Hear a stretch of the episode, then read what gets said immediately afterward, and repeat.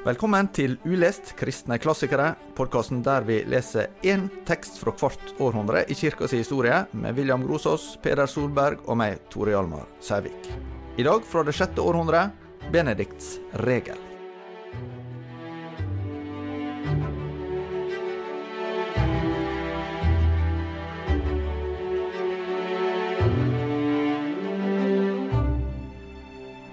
Først, eh, da vi skulle lese Benedikts regel, at eh, her blir det som å lese en slags plakat med noen kortfatta instru eh, ja, instruksjoner om hvordan en kristen skal leve. Men så er jo dette over 30 sider med ganske sånn detaljerte anvisninger for et liv i kloster. Og um, veldig mange sider ved det som var tankevekkende og overraskende også, vil jeg si. Men vi kan kanskje starte med helt grunnleggende. Hvorfor er denne teksten så veldig viktig? Denne teksten er eh, en av de dokumentene som har formet hele vestlig tradisjon. Hele Europa har den gjort. Eh, og det er en tekst som handler om hvordan man skal leve sammen i kristne fellesskap. Og klosterbevegelsen, enten du liker den eller ikke, hadde eh, ufattelig stor betydning for utviklingen av, av Europa slik vi kjenner det, på så mange nivåer. Og eh, klosterbevegelsen er jo en, en var en stor term, og du har den monastiske bevegelsen. Eh, og mange munker og mange klostre eh, som hadde ulike måter å utforme det på. Men Benedikt han formulerte en, en, veiledning, en regel, betyr egentlig en livsveiledning. En livsveiledning for et fellesskap som viste seg så slitesterk at århundre etter århundre etter århundre så var det nye fellesskap på nye steder, i nye situasjoner, som ville bruke Benedikts regel som utgangspunkt for hvordan de skulle Eh, ha det gått sammen som et kristen fellesskap. Nå er vi altså på 500-tallet, første halvdel. Og så er spørsmålet hva er det som er gammelt, og hva er det som er nytt her, Peder, i det som Benedikt utarbeider? Altså, Vi har jo vært eh, innom noen eh, skikkelser eh, allerede i noen av episodene vi har hatt, som, som, er en del av den historien som fortsetter med Benedikt, kan vi si. Eh, men som på en måte starter i Det nye testamentet. Starter med Jesus og disiplene, egentlig. Altså hvordan de lever i et fellesskap. Eh, vi leser jo ikke så veldig mye om hvordan de organiserer det, men det er, det er en form for eh, en Vi kan si en rabbi, en åndelig veileder, som, som, veileder sine disipler. Det er noe der. Så er det også noe eh, inspirasjon, kan vi kanskje si, fra den profetiske tradisjonen som vi finner også via døperen Johannes som blir eh, Altså som lever aleine ute i ørkenen. Som har alle disse eh, Hva skal jeg si eh, Det er jo spesielle ting ved hans levemåter ikke sant? Som, som vi også steiler litt ved i dag, men som, som inspirerer en, en uh, bevegelse som kanskje skyter fart på 200-tallet og, og, utover i kirkens tradisjon. Og Antonius den store er en sånn nøkkelskikkelse i denne bevegelsen. En som, som nettopp flytter ut i ørkenen. Som, som han, han, kom fra en rik bakgrunn. Si to ord om Antonius. Fordi han kom fra en rik bakgrunn. Eh, foreldrene hans døde. Han går til kirken en dag og hører evangelielesningen hvor Jesus sier til den rike unge mannen Gå og selg alt du eier, og gi til de fattige. Kom så og følg meg. Og det er en sånn Den setningen er en sånn altså For Antonius ble det sånn OK, jeg gjør det. Jeg går og selger alt jeg eier. Jeg går ut i ørkenen og kjemper med eh, Hva skal jeg si Med, med egoet mitt. Eh, kjemper, med, kjemper i bønn eh, eh for å nærme meg Gud. Eh, og der er det en sånn Hele hans historie blir en sånn inspirasjonskilde til det som utvikler seg til å bli klossbevegelsen. Det er mange vi kan komme innom på veien der, men, men, men her er det i hvert fall noe. Og så er det altså eh, sånn at Benedikt han kommer på et senere tidspunkt. Det er gått noen hundre år. Eh, og de politiske forholdene har også endra seg ganske vesentlig. Dette er jo etter det som vi kaller Vest-Romerrikets fall. Det vil si at, eh, at, eh, det er gått i oppløsning. Det riket som kristendommen også har vokst fram i som statsreligion, det finnes jo selvsagt fortsatt Øst-Romerriket med hovedstad i, i, det som i dag er Istanbul, Bysants. Men dette er jo en tid med mye uro og mye ustabilitet. Påvirker det også Benedikts visjon? Eh, det påvirker i hvert fall Benedikts påvirkning. Eh, Benedikt er jo eh, altså Fordi det på, gjør at klosteret blir en, en, en sånn eh, eh, usynlig blodgiversentral, ikke sant? Som, som, som pumper ut eh, kunnskap, eh, eh, pumper ut eh, mulighet for trygghet altså, i de små fellesskapene rundt om i hele Vest-Romerriket. Eh, pumper, pumper ut liv, egentlig.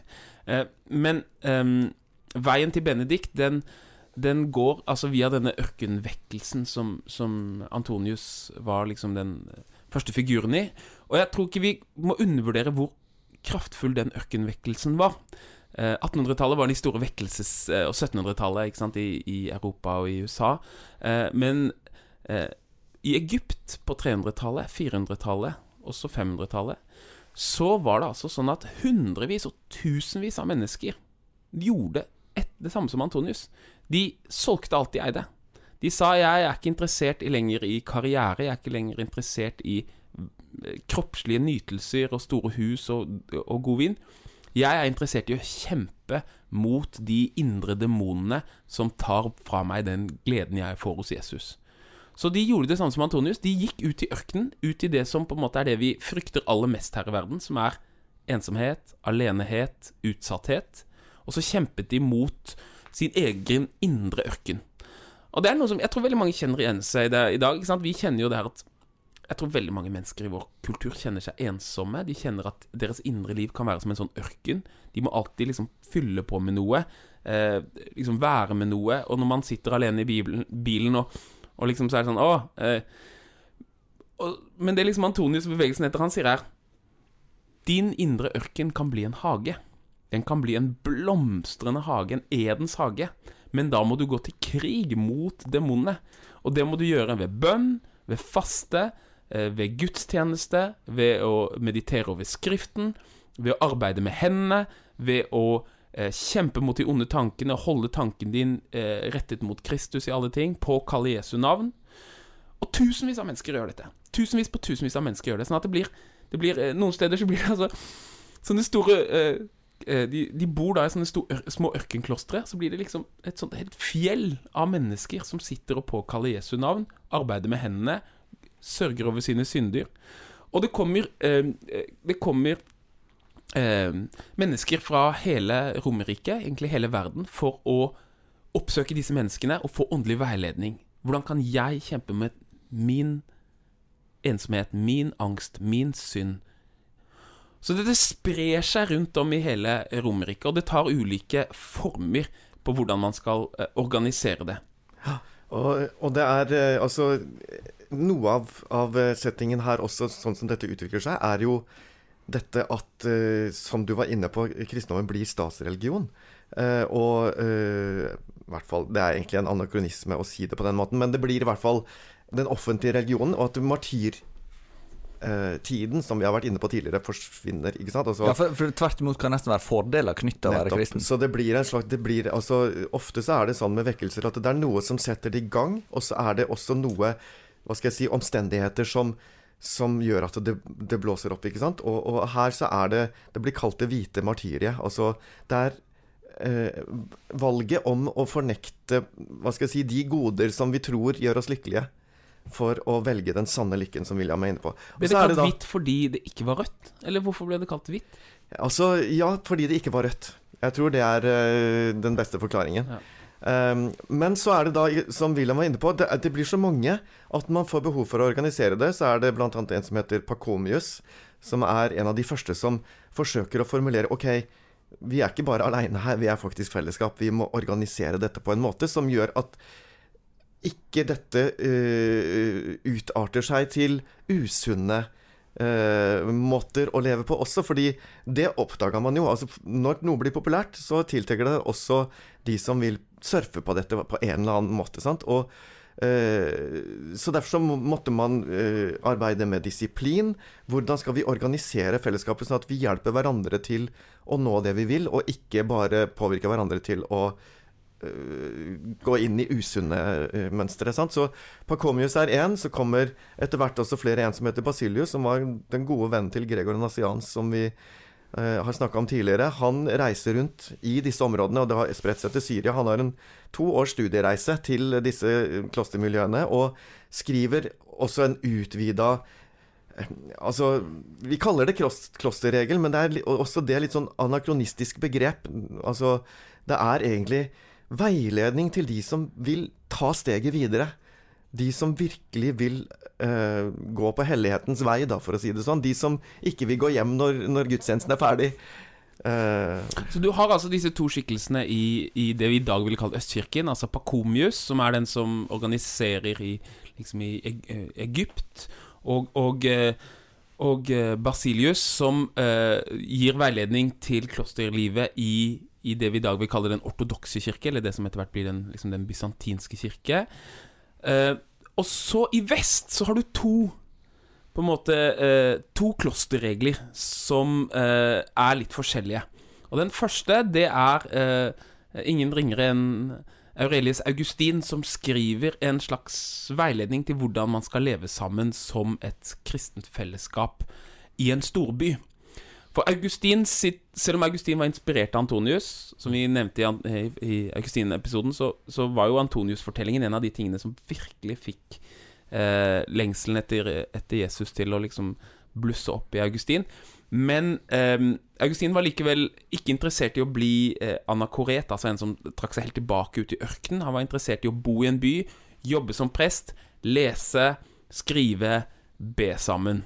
Så derfor så skriver han en, en ganske enkel klosterregel, som er mer sånn Den er ganske, uh, den er ganske løs.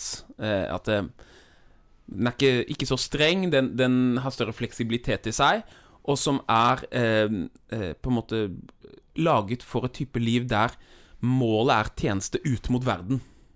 Det som senere, senere i middelalderen liksom var det man kaller for ordensbrødre, ikke sant? fransiskanere og dominikanere, de var jo ikke først og fremst mennesker som Antonius så det som sitt kall å trekke seg bort fra verden og be for verden, men de hadde et kall til å tjene verden og være til stede der. Så det blir Augustins klosterregel, veldig viktig i den vestlige delen.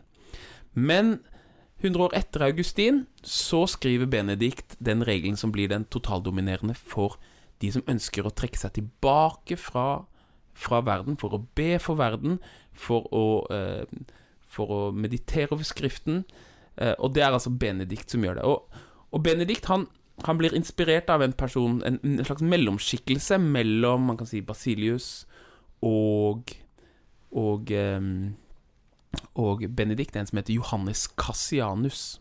Og han reiser fra Østkirken til Vestkirken, til Frankrike, og der underviser han det å skrive tekster hvor han legger vekt på eh, alle disse tingene som ørkenfedrene var opptatt av. Man skal kjempe mot Satan.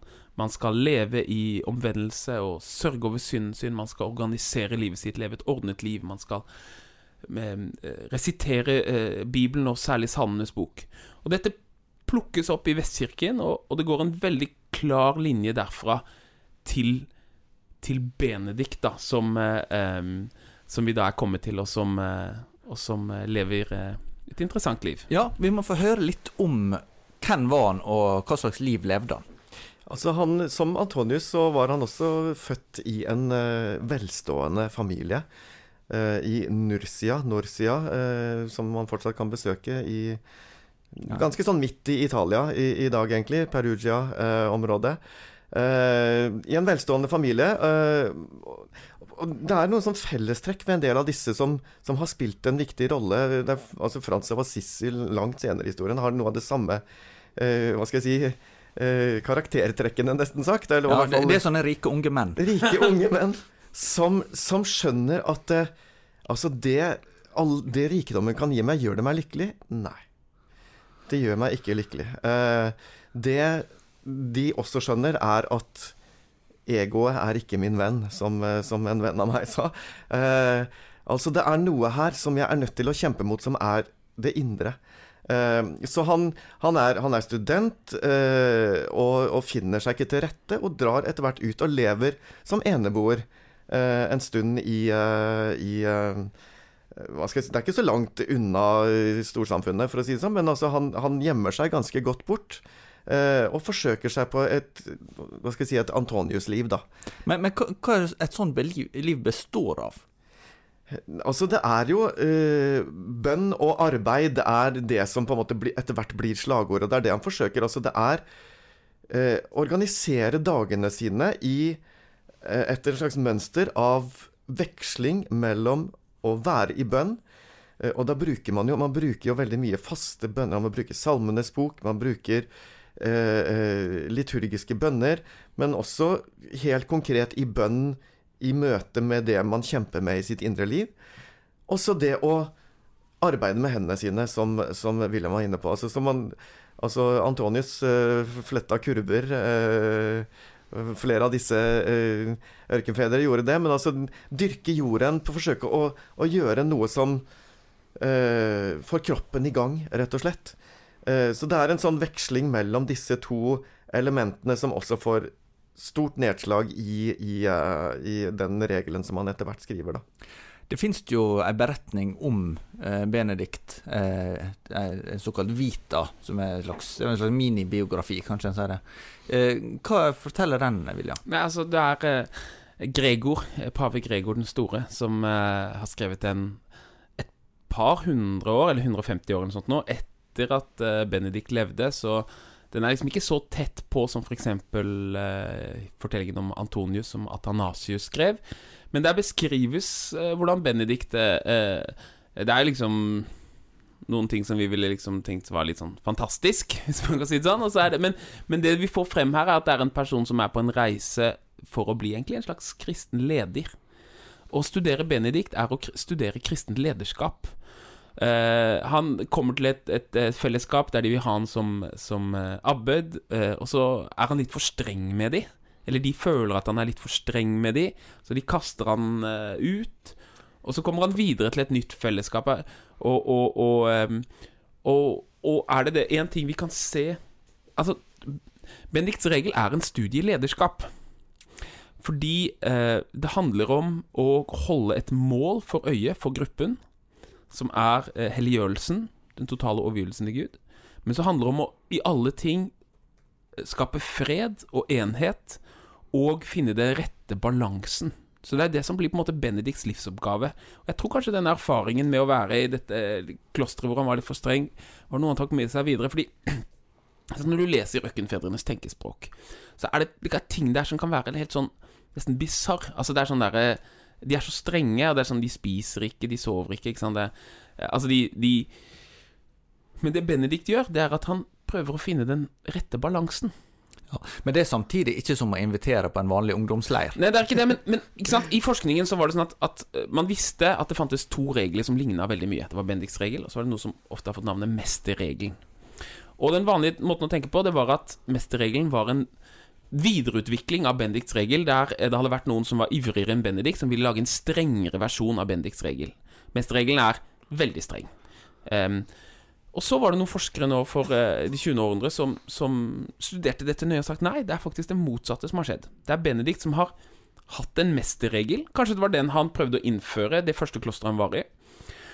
Og så har han modifisert den, og så har han lagt inn masse sånne små ting som på en måte modererer. For eksempel, i innledningskapitlet så skriver han Det er ikke noe stort og vanskelig Det er jo ikke noe Eller hva er det? Hvilke, setninger, hvilke ord er det han bruker? Det er ikke noe uoverkommelig og vanskelig vi vil innføre. Og han sier sånn Ja, alle overdrivelser er av det onde. Eh, og alt med måte. Så det er, det er liksom denne energien og kraften i klosterbevegelsen å prøve å, å kanalisere dette i Han er en leder. Eh, som, som, kanaliserer dette i slitesterke former. Og det er derfor eh, den dag i dag så har vi eh, mennesker som, som, bruker Benedikts regel som sin, sin livsveiledning. Fordi det, det, er et studie i kristen lederskap, egentlig. Og, og, og samtidig altså, så er det dette og, altså, Hva er dette lederskapet til for? Jo, det er å bygge et fellesskap som skal bidra til den enkeltes vei til helliggjørelse. egentlig. Altså, han skriver innledningsvis at altså, nå retter jeg derfor mine ord til deg, hvem du så er, som vil gi avkall, av, vil gi avkall på egenviljen og ta opp lydighetens sterke og skinnende våpen for å kjempe for Herren Jesus Kristus, den sanne konge. Så han, vil, han inviterer til OK, Uh, altså Det er ikke sånn 'nå skal jeg være deres leder' og dette. Men, men ok, den som vil være med på et prosjekt her om å følge Jesus Kristus og gi avkall på egenviljen eh, Dette er sånn jeg tror at dette arbeidet kan eh, Altså dette fellesskapet kan organiseres. Og det er jo ikke sånn at han prøver å lokke og lure flest mulig inn i dette fellesskapet. Altså Det er jo tvert imot sånn at uh, her møter du motstand før du blir innlemma. Ja, nei, det står at du skal banke på døra i fire-fem dager utenfor før du får komme inn. Eh, og, og, det er ikke vi, liksom, vi, tigger ikke folk å komme inn, fordi dette er et fellesskap for de som har et spesielt kall for det. Og, og Eh, det, ikke sant? Bergprekenen har en etikk som vi kan synes er eh, inspirerende, men som vi kan si den er umulig å gjennomføre. Og på et samfunnsnivå så er den umulig å gjennomføre, fordi på et, et samfunn vil alltid ha tvang i seg. Men hvis du frivillig sier 'jeg har lyst til å leve i et fellesskap som er helt og fullt ordnet etter vår felles lengsel etter Gud', um, så må du være med på det for at det skal funke.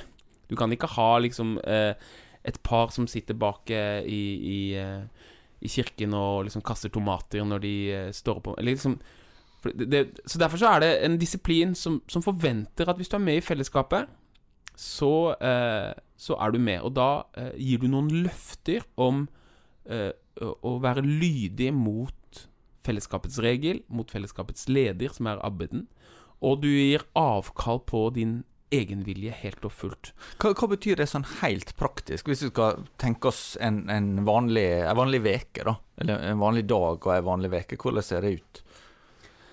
En dag i et kloster er eh, Det er bare å besøke et benediktinsk kloster, så får du være med på det. Eh, det er at du eh, står opp midt på natten.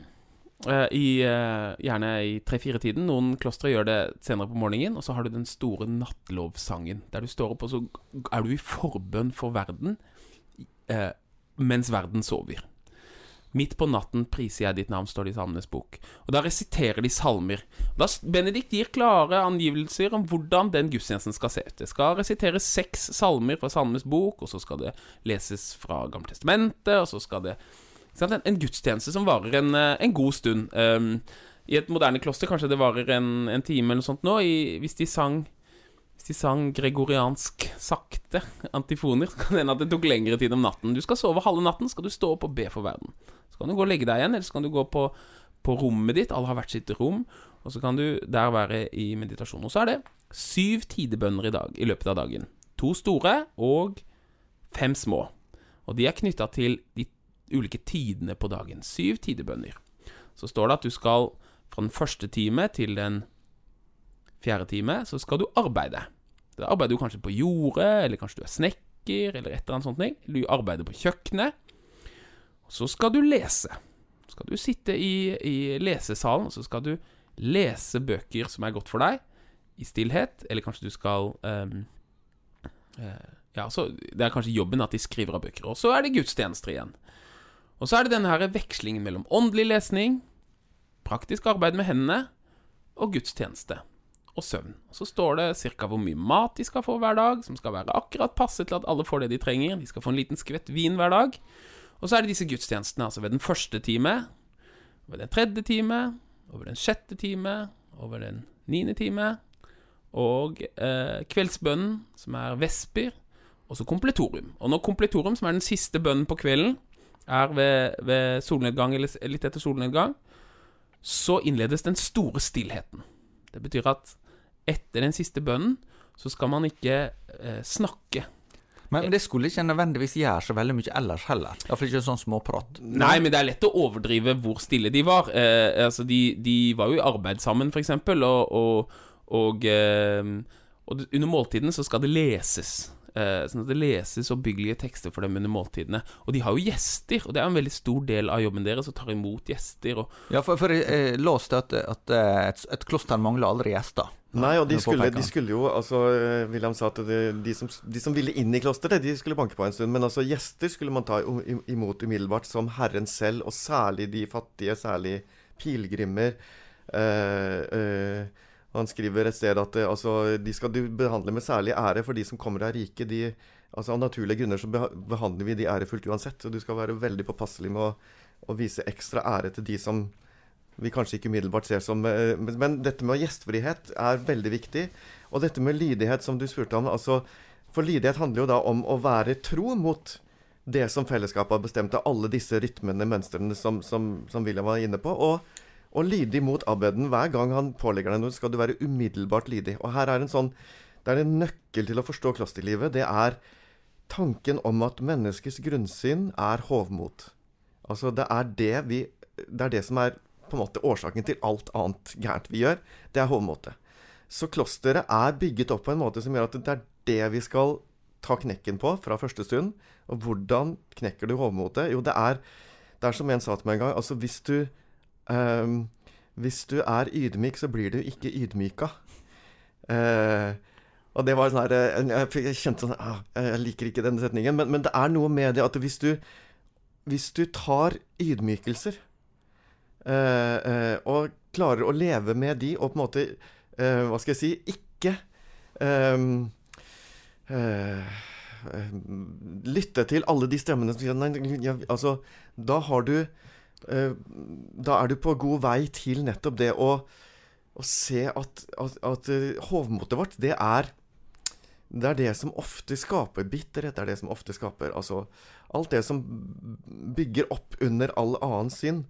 Så, så Benedikt er veldig sånn altså det, Veldig mye av det når vi leser, det er jo vanvittig strengt.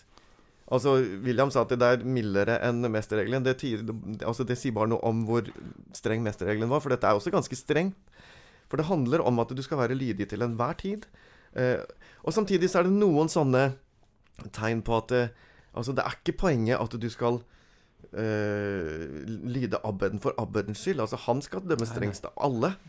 Så det er ikke blindlydighet heller. Nei, det er lydighet etter vårt felles mål. Ikke ja. sant? Og, og, så er det også det med ikke sant? Altså, For eksempel, lydighet handler om du skal møte presist til alle bønnene.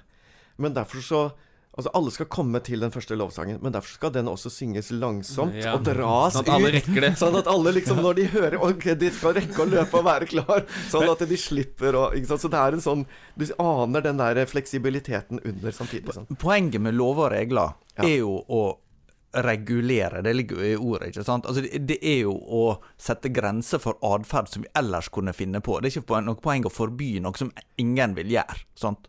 Eh, og Derfor så ligger litt i sakens natur at her er det jo en friksjon. Det er ikke alltid at vi greier å praktisere det. Det er som familieliv. Ja, heller ikke for de altså, som er I vår familie så går vi ikke fra maten før vi har spist opp det som er på tallerkenen. Ja. Ikke sant? Er sånn Strengt, hvis du ser det på tekst! Å, det var strenge. Men det er, det er, klart at, at uh, tette fellesskap, det skaper uh, Man får tillit når man har ting man er enige om. Og uh, jeg har jo vært flere lenge og halv, i hvert fall halvlange perioder i et benediktinsk kloster. Og da, en av de tingene som er der, f.eks., er at du Du går ikke og henter deg et eple i kjøleskapet hvis du er sulten. vi spiser når vi spiser. Og hvis du mener at det er for lite mat så kan du si ifra til abbeden, og så vil abbeden sørge for at det blir lagt fram et ekstra eple. Men liksom alle disse innfallene vi har, eh, som liksom 'Å, nå har jeg lyst på det, nå har jeg lyst på det, nå har jeg lyst på det', det vet klosterbevegelsen altså, det er ofte noe Måten djevelen lurer oss på.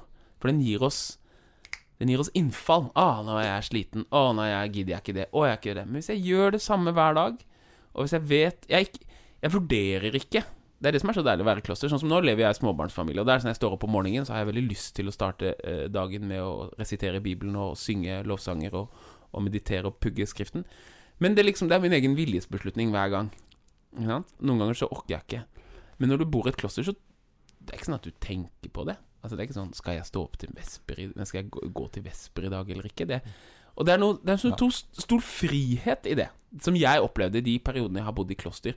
Og som, det er en sånn frihet som bare kan oppleves innenfra. Det er ikke sant, jeg, bodde, jeg har levd under klosterregel i Egentlig i to år levde jeg under en slags klosterregel som var ligna på Benedikts regel. Og folk som spurte meg sånn, Er det jo følelse som å, ikke som å bo i fengsel. Du må jo, du må jo be tidebønner hver dag. Aldri følt meg så fri som da. Fordi jeg var fri fra mine egne innfall. Ah, nå fikk jeg lyst til å sitte på YouTube en halvtime og ikke gå på Vesper. Sånn, er jeg fri da? Jeg er jo ikke det. Og dette er et utrolig viktig uh, poeng, fordi altså I vår kultur så forbinder vi frihet med valgmuligheter. Ja, Det er som det het i en Narvesen-kampanje fra noen år siden. Har du lyst, har du lov. Ja. ja. Jeg, jeg, jeg, jeg så akkurat en, eh, for litt siden en, en, en liten video av en som fortalte om ikke? Han kom inn i en, en eh, butikk og skulle ha seg en olabukse. Eh, og så er det liksom OK, ja, vi har alle altså, Vil du ha lys, vil du ha mørk, vil du ha svart, vil du ha, vil du ha vide eh, Altså eh, Hva heter det? Buksebein, eller og, Så til slutt så sa han Gi meg bare den ene som, som, på en måte var den eneste da det bare fantes én. Ja. Ikke sant?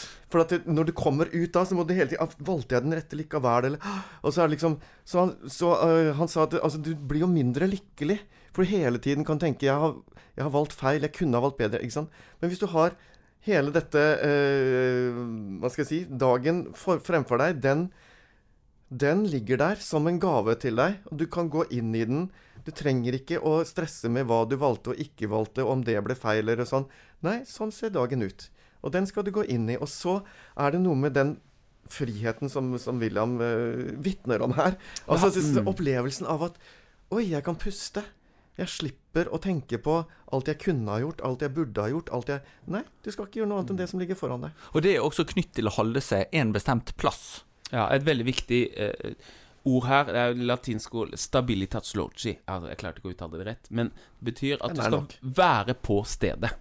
Eh, og det er noe som utfordrer eh, oss veldig, og som er, foran, er liksom noe som kjennetegner særlig benediktinsk spiritualitet, som er litt annerledes i noen andre former for, for eh, den type Men det er den herre du, du er på et sted, eh, og du eh, ser dette stedet som ditt kall.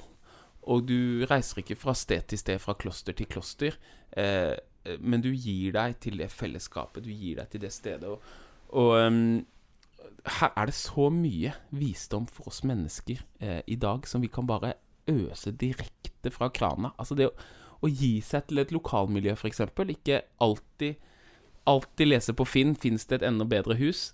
Gi seg til en arbeidsplass. Altså Jeg sier ikke at vi ikke skal forbedre livene våre, men, men en, en trussel mot å oppleve eh, at de tingene vi har i livet våre, er en gave, det er når vi alltid ser på de som noe vi kan velge bort. Og ikke sant, hvem er friest? Den som er gift og har sin kone, eller den som er på Tinder hver kveld?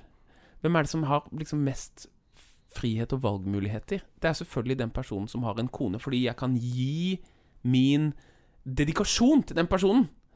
Mens, mens Tinder er det alltid noe neste. Og det er liksom det Benedikt inviterer deg til. Det er du, Bruk hele din frihet til å velge det du på en måte eh, ikke er fri til å velge bort fra. Du kan velge det du Ikke sant? Hver eneste morgen så må jeg Jeg har min kropp, og jeg kunne ønske at jeg hadde liksom eh, Haaland sin kropp eller Martin Ødegaard sin kropp. Jeg har min kropp. Men den kroppen er altså en gave som jeg må aktivt velge. Jeg må velge det jeg ikke kan velge, og det er frihet. Og det er noe av dette som altså Igjen, noe av nøklene her er å avsløre de løgnene som vi har i hodene våre om hva som gjør oss lykkelig.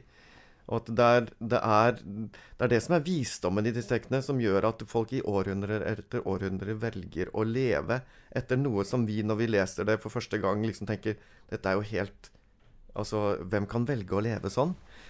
Jo, fordi det er noe med at måten man her går inn i en begrensahet, er også å velge seg selv. Velge at 'jeg skulle ikke vært et annet sted'. Nei, her er jeg. Eh, dette er meg, dette er mitt liv. Sånn ser det ut. Og i det så ligger det en, en mulighet til å, eh, som sagt, ta imot det som sånn, Livet sånn som det er, som en gave. Og Så velge viktig. det. Så viktig. Jeg kan Ja. Jeg tenkte på de som ikke lykkes. Jeg nevnte det i stad med, med lover og regler. Er det jo fordi at det, vi greier ikke å overholde det alltid. Eh, her er ganske mye i denne regelen om hvordan en skal håndtere det. Eh, og en del av det kan jo være egnet til å kanskje sjokkere eh, moderne lesere. Det, er, det er nevnes fysisk avstraffelse, og det, det, det driver vi ikke med. Nei. Det, det finner du ikke i moderne kloster. Nei, ikke sant. Så det er, det er jo noen sånne ting som, som, vi, som vi steiler eh, av. Og, og samtidig så er det, selv om du tar bort det, så, så er det også ganske strengt, for å si det sånn. Eh, så og, det står jo også da om hva man gjør når For det, han skriver flere ganger 'måtte det ikke skje', men så skjer det jo likevel. Altså at noen er ulydige, eller at noen eh, Og da skal de på en eller annen måte avstraffes som en bot, som en vei til ydmykelse igjen. Og da er det jo ikke poenget at de andre skal drive med å ydmyke det, den, den som har gjort feil, men det er det at det, han trenger å bli ydmyka. Han trenger den ydmykelsen for å eh, hva skal jeg si, kjempe mot det som gjorde at han falt i utgangspunktet. Ja, for, for det, det, går jo på det som en i Nytestamentet kaller nøklemakta, egentlig. Ja, altså at noen skal forstå at 'oi, nå har jeg gjort noe feil', og at det skal være en måte å få Egentlig en måte å vise omsorg for for noen til å gå i seg sjøl. Det er det, sant. Og, og, det er noe med vår moderne oppdragelseskultur som syns at mye av dette virker fremmed.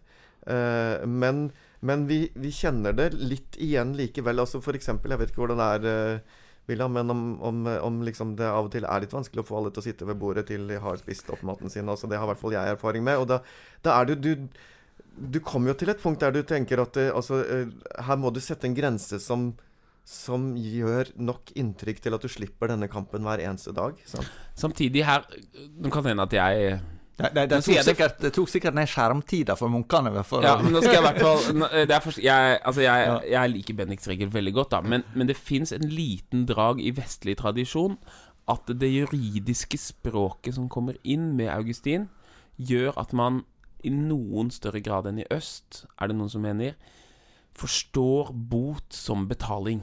Ja. Det skjer.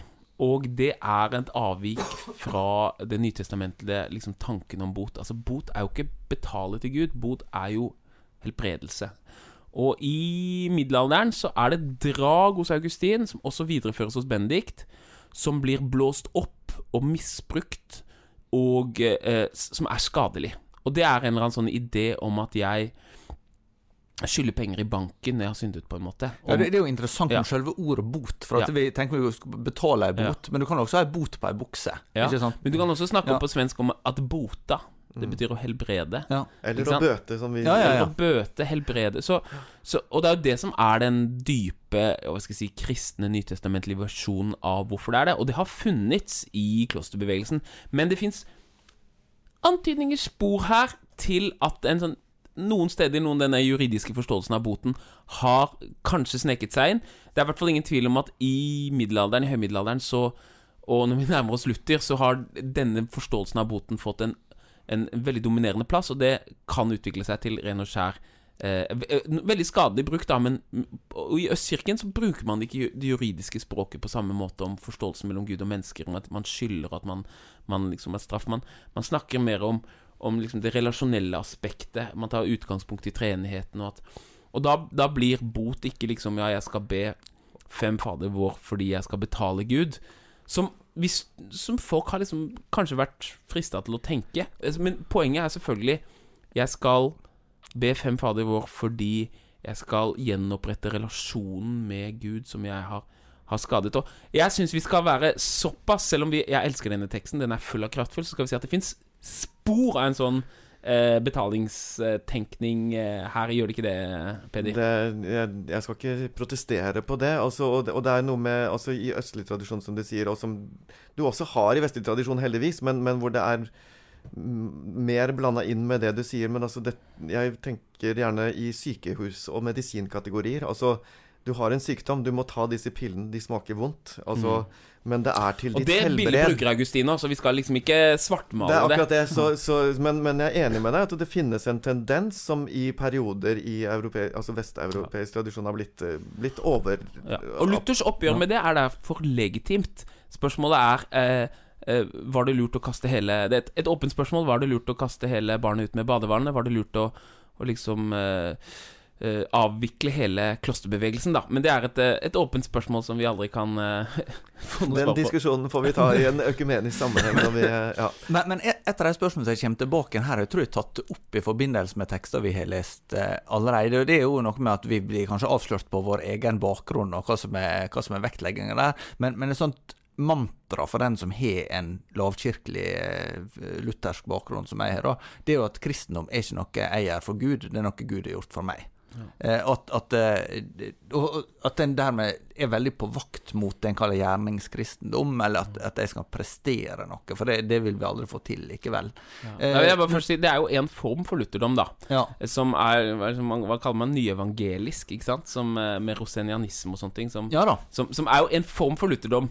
Avstanden mellom det hos Hans Nilsen Hauge, som flere har påpekt i det siste, mellom det å faktisk å være en del av det kristne fellesskapet og gjøre ting, og det å ta imot nåden. Det spennet har jo ikke alltid vært like stort, men, men, eh, men eh, i den, den måten å tenke på, der man er, liksom har et veldig stor avstand mellom, mellom eh, nåde og, og, og det å gjøre ting, det, da, da vil man oppleve at man kommer inn i en fremmed verden. Fordi for Benedikt så er nåden i tingene. Altså, hvor er nåden? Jo, nåden er i å holde meg nær til Gud. Og hvis jeg f.eks. Eh, resiterer Salmenes bok, så strømmer nåden til meg fra det.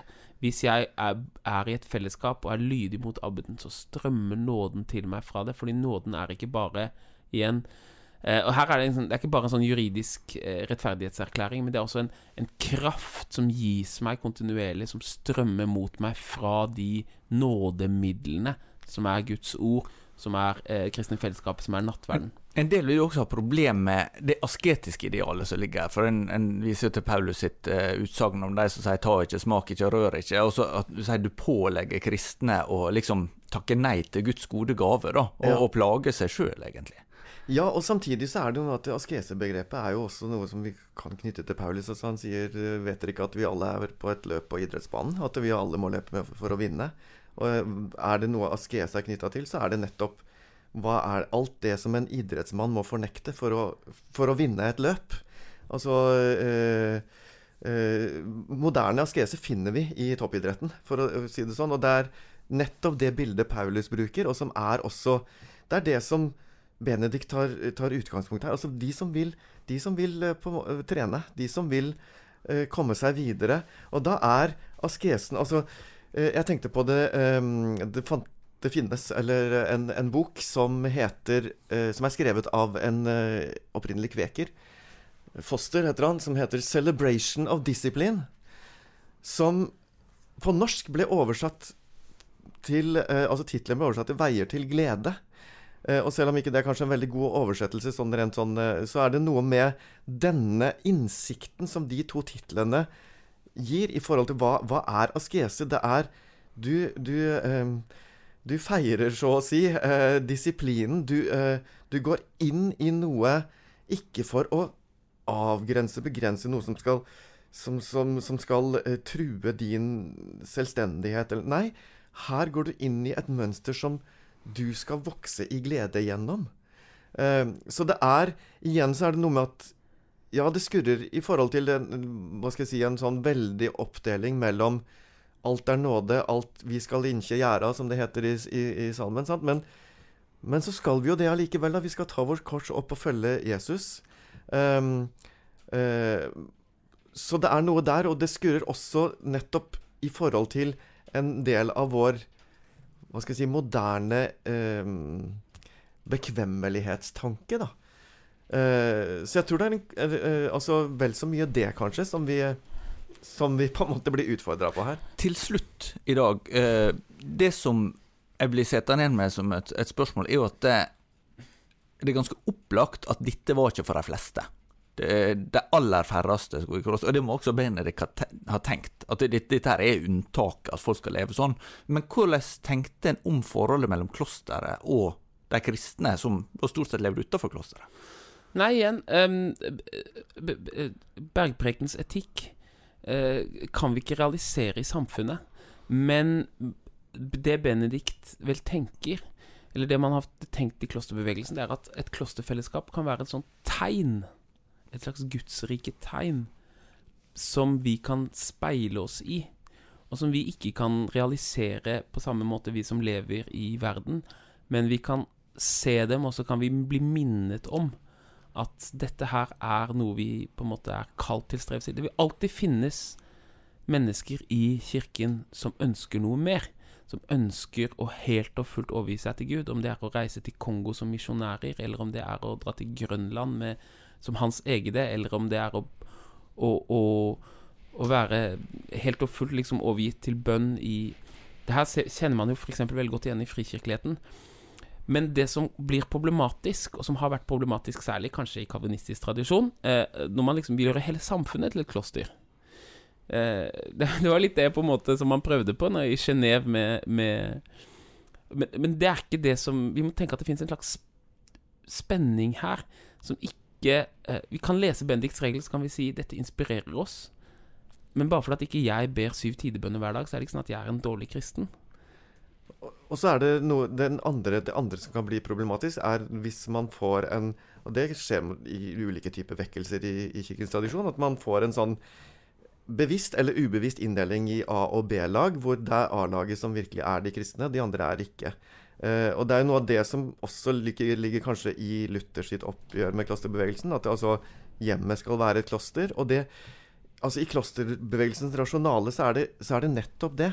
Altså at som William sier, at klosteret skal være et tegn for alle oss andre til å eh, eh, se hvordan, hva vi skal strekke oss etter, uten at vi lager dette liksom skillet Nei, du er ikke kristen fordi du ikke lever i kloster. Men det skjedde i, i, i middelalderen, og, og uh, på en måte så, så Jeg tror det er ingen moderne munker og nonner som eh, fristes til å tenke det, for de er ikke høyt på randstigen. De er, de er fattige, og de lever bare i, i bønn for Gud i det skjulte. Du har lytta til en episode av Ulest kristne klassikere, en teologipodkast fra NLA Høgskolen og avisa Dagen. Har du spørsmål eller tilbakemeldinger til oss, så kan du sende en mail til torekrøllalfadagen.no.